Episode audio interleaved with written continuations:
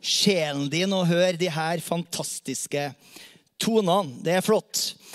Eh, vi skal lese en bibeltekst veldig snart, eh, hvor hendelsen skjer på Øvresalen i et eller annet hus i nærheten av Jerusalem.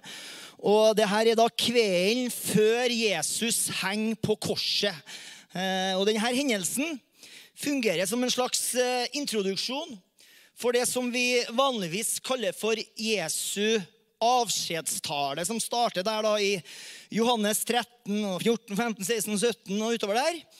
Og I denne talen så forbereder Jesus disiplene sine på det at de skal fortsette livet sitt, tjenesten, uten hans fysiske nærvær. Ikke uten hans nærvær, heldigvis, men uten hans fysiske nærvær. Eh, og i tid så er vi da veldig nærme korset og korsfestelsen. Vi står liksom ved foten av korset her nå. Om bare noen få timer, mellom 15 og 18 timer, så henger Jesus på korset og bærer min og din synd, hele verdens synd. Og I den undervisninga som Jesus gir etter denne hendelsen, så lover Jesus at etter at han forlater dem, så vil han komme tilbake i og ved Den hellige ånd, som han skal sende for å være med dem og i dem. Og Den hendelsen vi skal lese om her nå, den er kanskje en av de mest kjente i Jesu liv og tjeneste. Og Jeg har stilt meg spørsmålet mange ganger hvorfor er det det. Og jeg tenker at Kanskje kan det være fordi at denne hendelsen snur alt på hodet, som vi sier på trøndersk. Snur alt på hodet. Det Jesus gjør, og det Jesus sier i denne teksten, representerer det vi kaller for et paradigmeskifte. Et paradigmeskifte når det gjelder hvordan vi betrakter menneskelige relasjoner. Og et paradigmeskifte i måten som vi forstår hva det, hva det betyr for hvem som helst, inkludert Gud, å være konge. Eller kongen med stor K. Og for at jeg og du virkelig skal liksom gripe denne sannheten, så må vi forstå hvordan denne teksten henger sammen med resten av Johannesevangeliet. I begynnelsen av Johannesevangeliet så blir Jesus gitt en del titler. Og når vi leser videre i dette evangeliet, så får de her titlene litt mer sånn kjøtt på beina. De blir det blir forklart hva de her titlene betyr, og hva de innebærer. Jesus blir kalt f.eks. menneskesønn, Guds lam, Guds sønn, livets brød, verdens lys, den gode hyrde. Og han kalles for oppstandelsen og livet. Og sakte, men sikkert så blir det her titlene på en måte avdekka eller avduka etter hvert som vi leser gjennom evangeliet. Og Det er en tittel som er viktig for å forstå den hendelsen vi skal lese, og det er tittelen konge. Eh, Natanael, som vi har preka om før en gang, han var en av Jesu første disipler. Og I sitt aller første møte med Jesus så sier han i Johannes 1, 49, Rabbi, du er Guds sønn. Du er Israels konge. Og så litt senere, etter brødunderet med de 5000 med fem brød og to fisker, så sier Johannes om folkemengden at de ville ta han med makt og gjør han til konge. Og så, søndagen før Jesus uh, går til korset på Palmesøndagen, det var jo da forrige søndag, eh, så drar Jesus inn i Jerusalem. Mens folk roper og de synger i Johannes 12 og vers 13 Hosianna, velsignet være Han som kommer i Herrens navn, Israels konge. Hosianna, det betyr 'frels nå'. Så det, så det, er som om de sier, 'Jesus, du er vår konge. Frels oss nå'. Men når de kalte Jesus for konge, så mente de sannsynligvis noe annet enn det jeg og du mener i lys av Det nye testamentet. I en gammel jødisk tekst fra denne tida så står det følgende.: Lytt, Herre, og reis opp deres konge. Kle ham i styrke, slik at han kan beseire urettferdige herskere og rense Jerusalem fra nasjoner som tramper byen ned, og at han kan ødelegge nasjonene med ordene fra sin munn. Så ja, de sang Hosianna. Kongen har kommet, men for dem så betydde det at kongen har kommet for å beseire, for å rense og for å ødelegge. Og så, etter palmesøndag, da kommer jo mandag, tirsdag, onsdag. Og liksom folkemengden med det dette kongekonseptet inni hodet sitt begynner å bli litt sånn desillusjonert i forhold til Jesus som konge. Og det, det gjør også Judas, som er en av Jesu disipler. Fordi Jesus passer ikke helt inn. Han fyller på en måte ikke rollen som konge, sånn som de har forventa. Og så kommer torsdagskvelden, og da er vi i den bibelteksten vi skal lese. Johannes 13, fra vers 1 til vers 17. Der står det sånn. Det var før påskehøytida. Jesus visste nå at hans time var kommet, da han skulle gå bort fra denne verden til sin far. Slik han hadde elsket sine egne som var i verden, elsket han dem til det siste. Da måltidet var over, hadde djevelen allerede lagt i hjertet til Judas Iskariot, Simons sønn, at han skulle forråde ham. Jesus visste at hans far hadde overgitt alt i hans hender, og at han var kommet fra Gud og skulle gå til Gud. Da reiser han seg fra måltidet, legger fra seg klærne, tar et håndkle, binder det rundt seg. Deretter fyller han vann i et fat og begynner å vaske disiplene sine føtter og tørke dem med håndkleet han har rundt seg. Han kommer til Simon Peter, og Peter sier til ham, 'Herre, vasker du føttene mine?' Jesus svarte, det jeg, 'Det jeg gjør, forstår du ikke nå, men du skal forstå det.' Peter sier til ham, 'Du skal slett ikke vaske føttene mine, ikke i all evighet.' Jesus svarte han, 'Hvis jeg ikke vasker deg, har du ikke del med meg.' Peter sier til en, 'Herre, ikke bare føttene mine, men også hendene og hodet.'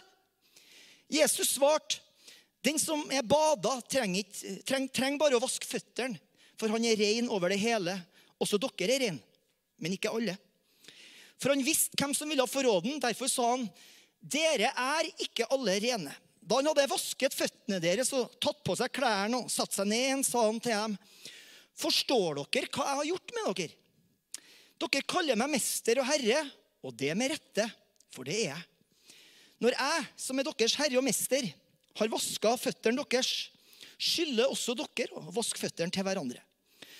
Nå har jeg gitt dere et eksempel for at dere skal gjøre som jeg har gjort med dere. Sannelig, sannelig, sier jeg dere, en tjener er ikke større enn sin herre. Heller ikke er den som er utsendt, større enn han som har sendt ham. Hvis dere skjønner dette, er dere salige eller velsignet, så sant dere gjør det. Ok, slik lyder Herrens ord. Du må huske på at veiene på denne tida i Israel de var skittete. De var skitt, altså. De var skittete. I tørkeperioden så var de fulle av støv. I regntida så var de fulle av gjørme. Og skoen på denne tida var veldig primitiv. Det var på en måte en flat såle bundet fast med noen reimer til foten. Så det betyr at hver gang du gikk på en vei i Israel, så ble føttene dine skitete. Derfor så var det helt vanlig at rett innenfor inngangen i de aller fleste hjem så ville du finne et vannfat og et håndkle. Og når du kom til det hjemmet, så ville du bli ønska velkommen av, av, en tjener. Og tjeneren, som et tegn på vertens gjestfrihet, ville vaske føttene til gjesten. Det, det har vært kult og innført. Og på denne torsdagskvelden, når Jesus samla sine disipler på øvresalen, så var det ingen av dem som hadde brydd seg om å vise Jesus denne gjestfriheten. Det å vaske føttene var en ydmyk handling. Så ydmykende at den handlinga var inkludert i ei liste over handlinger som jødiske slaver ikke var påkrevd å utføre. En jødisk slave var ikke påkrevd å gjøre det her. De ville ha en hedningeslave for å utføre den handlinga. Så det her var så ydmykende at likesinnede, altså folk på samme sosialt nivå, aldri utførte denne handlinga på hverandre. Lukas' evangelium forteller oss at når det her skjedde, så var disiplene midt i en diskusjon om hvem som var den største i Guds rike. Har du hatt noen sånne diskusjoner? Altså det riket som kong Jesus var i ferd med å, å sette i gang. Du vet, Deres fantasi om det her riket det var fullt av bilder av troner, makt og herlighet. Det var ingen av dem som våga å tenke tanken på tjenerrollen som relevant i det her riket. Ingen! Unntatt Jesus. Kong Jesus. Så det vi leste, at Jesus reiser seg fra bordet, legger fra seg klærne, binder på seg et håndkle, og én etter én vasker han, og så tørker han disiplene sine føtter. Tenk det, Jesus han er kongen, men han er ikke den kongen som disiplene og folkemengden forventa. Han er konge med et septer som konger har, som et tegn på makt og myndighet. Men hans septer er et håndkle. Aha. Og når fredagen kommer, langfredagen kommer, så vil det jo bli åpenbart for alle at denne kongen han velger et kors som sin trone. Og jeg skal prøve å gi deg fire enkle sannheter Kanskje ikke de er så enkle, men fire sannheter i hvert fall. Som blir åpenbart ved at Jesus vasker disiplene sine føtter. Nummer én håndkleet karakteriserer hele karrieren til kongen. Jeg skal forklare hva jeg mener. Det at Jesus vasker disiplene sine føtter, er ingen isolert hendelse i Jesus sitt liv. Det Jesus gjør på Øvresalen denne torsdagskvelden, på en måte dramatiserer det han har gjort for disiplene hele veien. Han har tjent dem og betjent dem hele veien. Han har gitt seg sjøl for dem hele veien. Det er liksom i hans jordiske tjeneste, men det går dypere enn det. Hans handling denne kvelden betegner hele Jesu karriere og liv fra Faderen til verden og tilbake til Faderen igjen. For hvis du ser på verbene Nå får du litt undervisning her. Verbene i vers 4, vers 5 og vers 12. Så er det sånn at Jesus reiste seg, la fra seg, tok opp, bandt rundt seg, vaska, tørka, tok opp og satte seg igjen. Ja? Jesus reiste seg fra bordet på samme måte som han reiste seg fra sin evige trone. Ja. Jesus la fra seg sine klær på samme måte som han la fra seg sine guddommelige privilegier. Han ga avkall på det, som Paulus sier i Filippebrevet 2. Jesus bandt et håndkle rundt seg på samme måte som han tok på seg vår menneskelighet. Gud ble menneske i kjøtt og blod. Jesus vaska disiplene sine føtter. Han utførte den laveste, den mest ydmykende handlingen på samme måte som at han den neste dagen døde den mest ydmykende døden. Og når Jesus var ferdig med å vaske disiplene sine føtter, så tok han på seg klærne igjen og satte seg ned.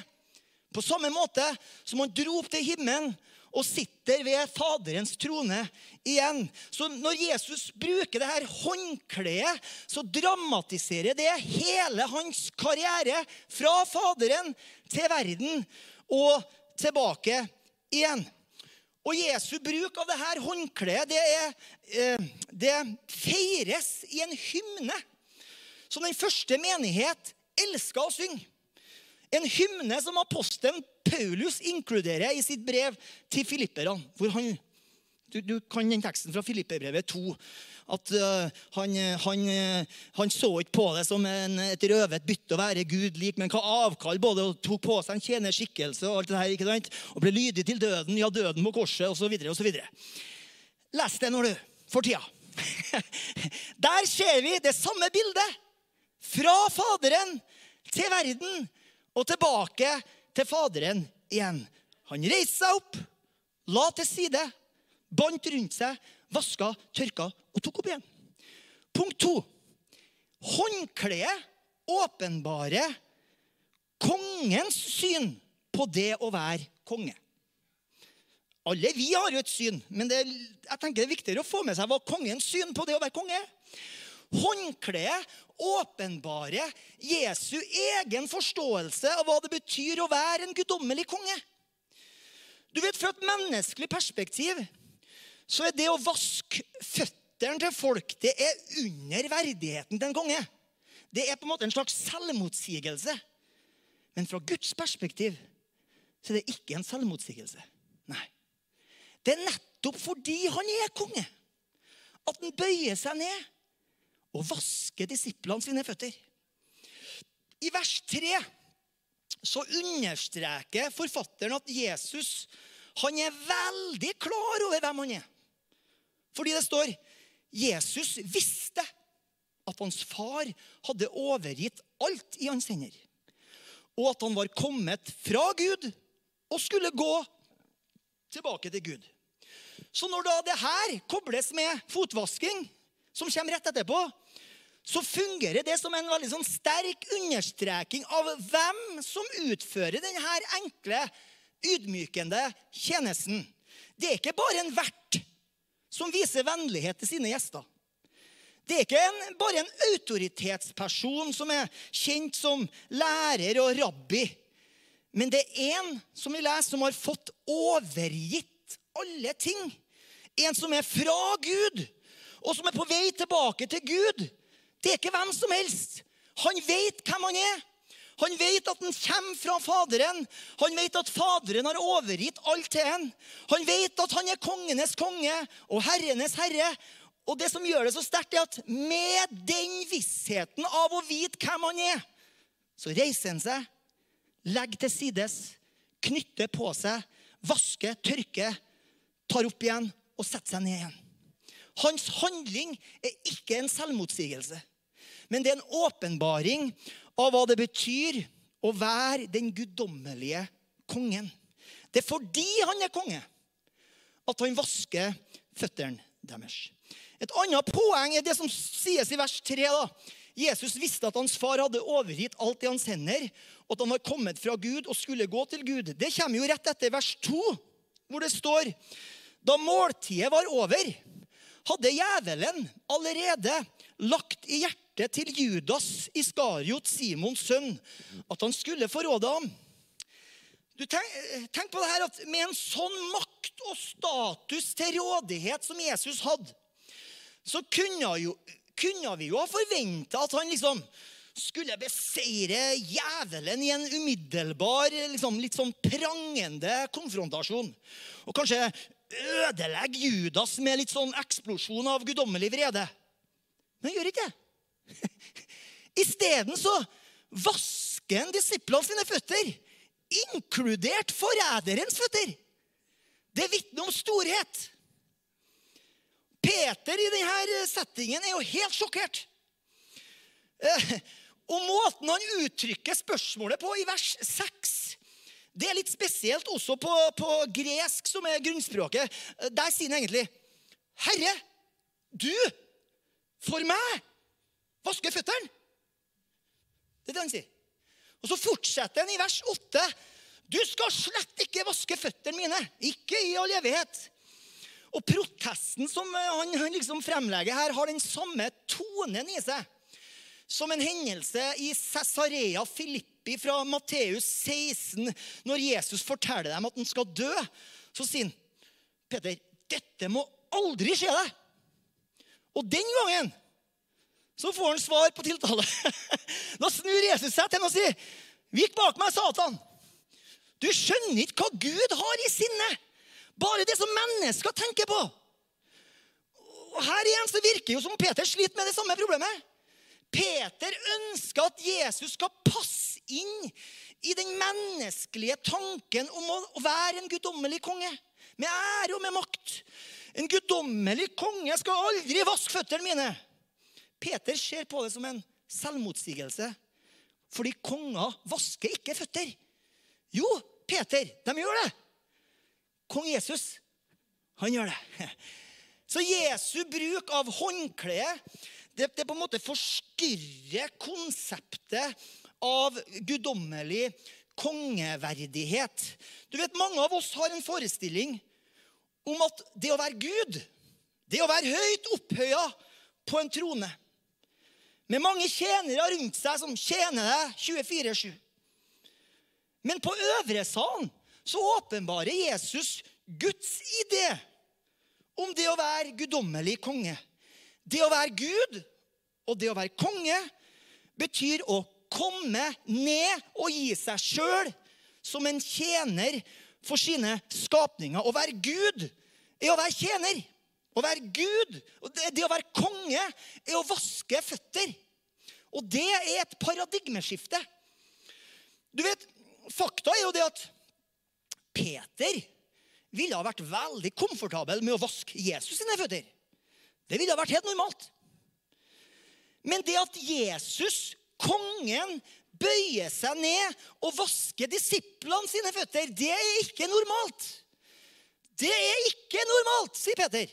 Jo, helt normalt, sier Jesus. Jesus sier på en måte at, at denne stillingen, denne posisjonen, er helt normalt for den sanne, guddommelige kongen.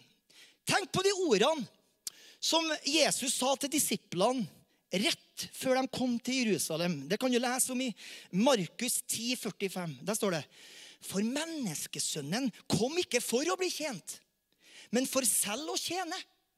Og for å gi sitt liv som løsepenge for mange. Her igjen snur Jesus alt på hodet. Han bruker begrepet menneskesønn. I Daniels bok så blir menneskesønn presentert som den som alle verdens riker er underlagt. Som alle konger må bøye seg for. Som alle skal tilbe og tjene. Og så sier Jesus menneskesønnen kom ikke for å bli kjent, men for selv å tjene. Det er helt på hodet.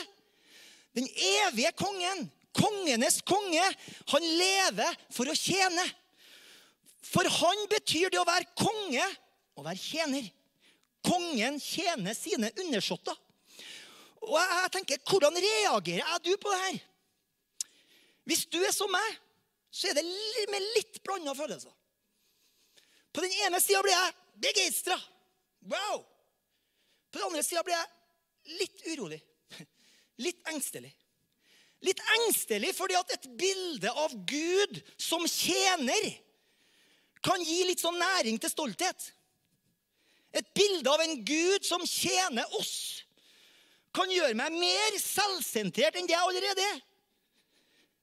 Men så har jeg tenkt litt på det her og kommet fram til at nei, det er det motsatte. En Gud på sine knær gjør meg ydmyk. En Gud som kommer for å vaske mine føtter, gir meg større ærefrykt. Du vet, Hvis vårt syn på Gud er som en konge på toppen av stigen, da blir vi faktisk mer selvsentrert. For da begynner vi å tenke Hvor er jeg i forhold til han på toppen? Hvor langt opp på stigen er jeg akkurat nå? Hvor langt opp er jeg i forhold til de andre? Gjør jeg det bedre eller dårligere enn de andre? Er han fornøyd med meg? Kan jeg gjøre det bedre? Mæ, mæ, mæ men ikke med en Gud som kommer og bøyer seg ned for å vaske mine føtter. Det er umulig å ikke bli opptatt med han, da. For en sånn ydmykhet tar blikket bort fra oss og plasserer han i sentrum. Herre, du skal aldri vaske mine føtter. OK, Peter. Da har du ingen del i meg. Eh, jeg tror at Jesus prøver å hjelpe Peter her til å forstå at du kan bare møte Gud på bunnen av stigen. Og der er det sannelig mange mennesker som har møtt ham. Han er ingen andre plasser. Han er på bunnen av stigen. Å være guddommelig konge er å være tjener. Punkt nummer tre.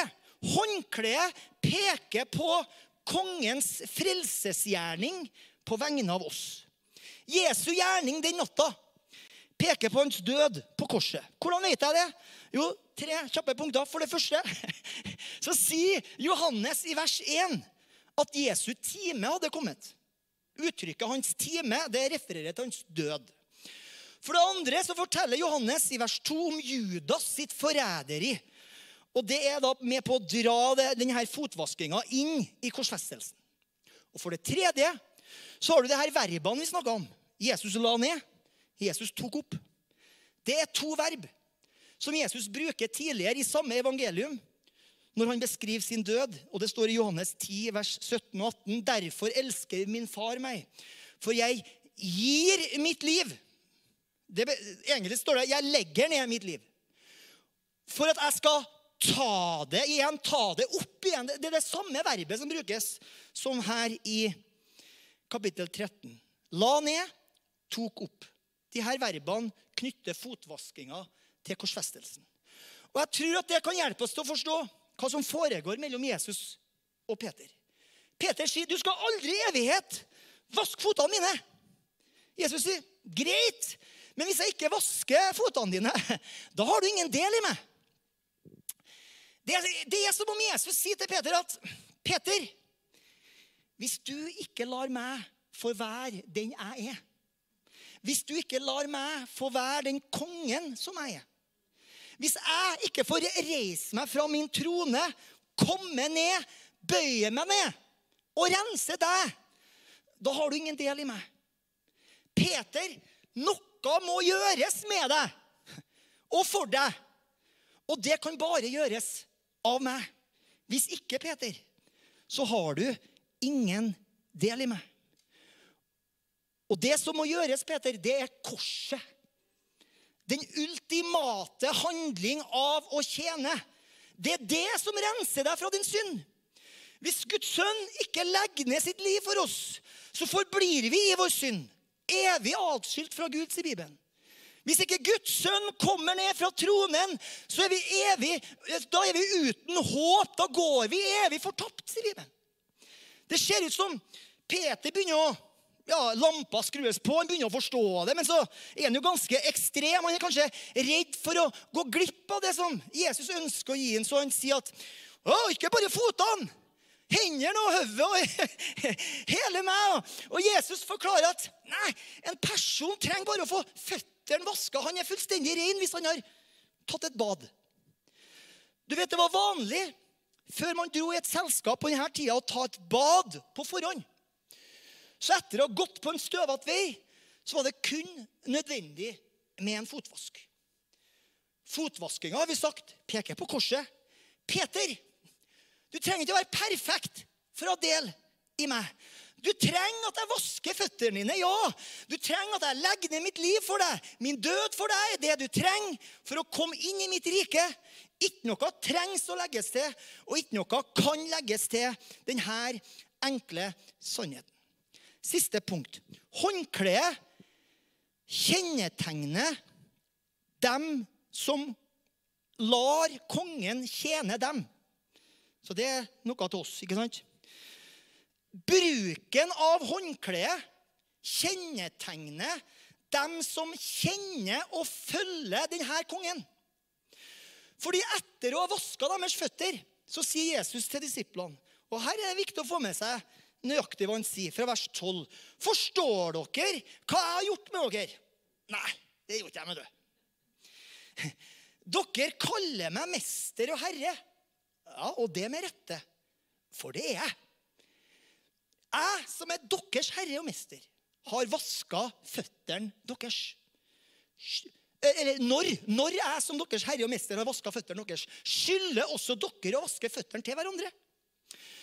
I dag så finnes det kirkesamfunn som betrakter dette som et sakrament, som praktiserer fysisk fotvasking i enkelte gudstjenester. Vanligvis på skjærtorsdag. Det er en del tyske pietister og noen anabaptister og faktisk noen pinsevenner. Og, og i den katolske kirke i, i enkelte deler, særlig på skjærtorsdag, praktiseres litt fotvasking. Helt greit, tenker jeg, men personlig så tror jeg at denne handlingen peker forbi selve fotvaskinga, det er på en måte Jesu måte å si at 'jeg legger ned mitt liv for dere'. I vers 14 så står det 'Når jeg, som er deres herre og mester, har vaska føttene deres', skylder også dere å vaske føttene til hverandre. Det vi ville ha forventa å høre, det var at siden jeg, som er deres herre og mester, har vaska føttene deres, så er det ikke mye for langt at dere vasker føttene mine. Det er det vi ville ha forventa her. Siden jeg har vaska deres føtter, så skal dere nå vaske mine føtter. Men Jesus sa ikke det. Hvis han hadde sagt det, så tror jeg jeg har litt fantastisk, ikke sant?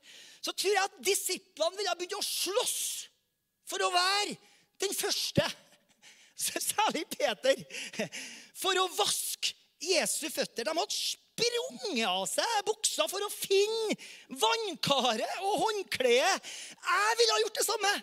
Jeg ville ha gjort hva som helst for å være først. Du vet, Jeg er misunnelig på den kvinnen som Lukas forteller om. Som ut fra dyp takknemlighet vasker Jesu føtter med sine tårer og tørke dem med håret sitt. Det vil jeg aldri oppleve. Og jeg er også misunnelig på Maria, søstera til Martha, som vasker Jesu føtter med parfyme og tørker dem med sitt hår. Jeg ville ha gjort hva som helst for å vaske Frelseren sine føtter. Og bare det å berøre føttene til kongenes konge Jeg ville ha sprunget for å få tak i det her håndkleet først. Fordi jeg skylder ham så mye. Jeg skylder en alt. Og jeg lengter etter å overøse han med min takknemlighet. Men han sa ikke 'vask mine føtter'. Han sa 'vask hverandres føtter'. Du vet, Jesus har lagt ned sitt liv for oss alle sammen. Og hør her Det vi skylder han, nedbetales i vår ydmyke tjeneste for vår neste. Vår neste er den utpekte mottakeren, autorisert til å motta det som jeg og du skylder vår mester. Veldig ofte vet du, så sier jo jeg og du med dype følelser Å, Jesus, halleluja, jeg ønsker å tjene deg med hele mitt liv. Jeg ønsker å uttrykke min takknemlighet. Og det er bra. Svaret er vask hverandres føtter. Det er det svaret han gir. Min neste er den utpekte mottakeren.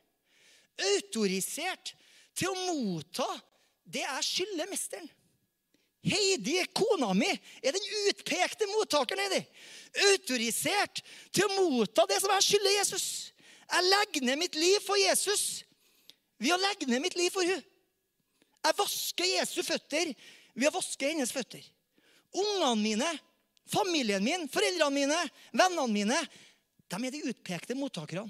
Autorisert til å motta det jeg skylder Jesus. Staben i Betel, vet du. Dere som sitter her, og dere som sitter og kikker på YouTube, dere er de utpekte mottakerne. Autorisert til å motta det som jeg skylder Jesus. Jeg vasker hans føtter ved å vaske dine føtter. Snu deg rundt, du som sitter her. vet du. Og du som sitter i sofaen din, snu deg og kikk noen i øynene. De her flotte menneskene som du ser midt i øynene nå, de er de utpekte mottakerne. Autorisert til å motta det som du skylder Jesus. Du vasker Jesu føtter ved å vaske deres føtter. Hva det praktisk innebærer, det har ikke vi tida til å gå i detaljer på nå. Så det får du sjøl reflektere over. Men jeg tror at det innebærer mer enn bare ord. Aha, det tror jeg. Så kan du nå begynne å forstå litt av tankevirksomheten i disiplene sitt hode denne kvelden når det her ble gjort, og når det her ble sagt. Hva er det han mener for noe? Hva er det han sier for noe? Hva er det han gjør? Du vet, Vi har en tendens til å idealisere disiplene og behandle dem som allerede helliggjorte helgener. Men de er ikke det. De var ikke det. De var like selvopptatt som meg og deg. Like forskjellig som meg og deg. Peter, Johannes, Matteus, Judas. Alle sammen med ulik tilnærming til livet. Alle sammen med ulik agenda, ulike planer og ønsker for livet. Men alle får de samme ordene. Når jeg, som er deres herre og mester, har vaska føttene deres, skylder også dere å vaske hverandres føtter. Når jeg reflekterte over denne teksten litt i forrige uke, så så jeg for meg Matteus tolleren og Simon Seloten som skula på hverandre når Jesus så det her, og tenkte What?! Du vet, Matteus, tolleren Som toller tok han penger fra sine landsmenn på oppdrag fra okkupasjonsmakta, betrakta som en landsforræder. Simon, seloten, det betyr at han var revolusjonær. Han var oppslukt av tanken på å drive romerne ut av det lovede landet, Guds land. Begge toene var kalt til fellesskap med Jesus. Begge hadde fått sine føtter vaska av Jesus. Matteus, tolleren, er nå da den utpekte mottakeren autorisert til å motta det som Simon Seloten skylder Jesus. Kult!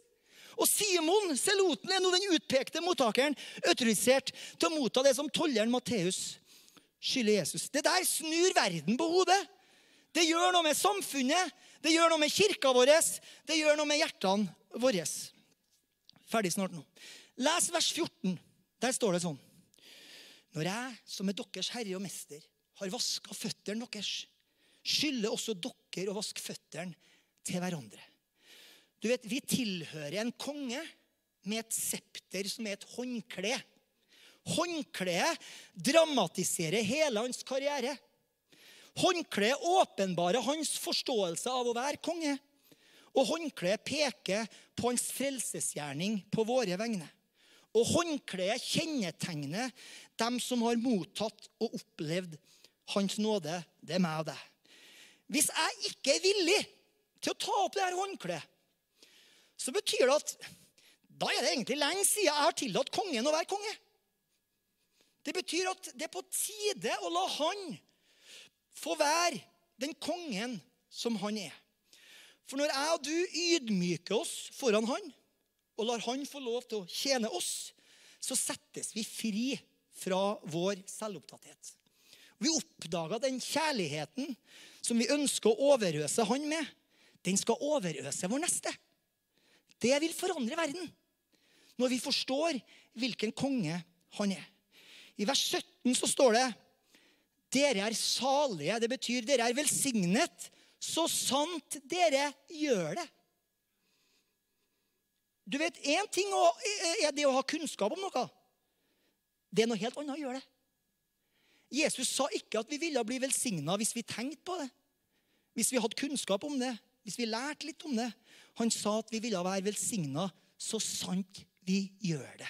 Skal vi be. Vi takker deg, Herre, for at du er den sanne, guddommelige kongen. Men så er du samtidig kanskje litt annerledes konge enn det vi har forestilt oss i vårt hode. Du kom ned, du la fra deg din eh, guddommelige herlighet og dine guddommelige privilegier. Du tok på deg en tjeners skikkelse. Du ble, eh, du ble menneske i kjøtt og blod. Og så gikk du gjennom en ydmykende død. Du ga ditt liv for alle mennesker. Ja, du er konge. Og når, de, når du rei inn i Jerusalem, så sa de Hosianna. Kongen kommer. Og det ønsker vi å synge. Du er vår konge, Herre, kom og frels oss. Vær vår konge, vær min konge. Vi ønsker å åpne hjertene våre. Ikke for å sette oss sjøl på tronen, men for å sette oss sjøl lavest. Vaske hverandres føtter. Betjene andre mennesker. Hjelp oss til å følge dette eksempelet, for da skal vi være velsigna. Da skal vi være salige, sier du i ditt ord. Vi takker deg for det i Jesu navn. Amen.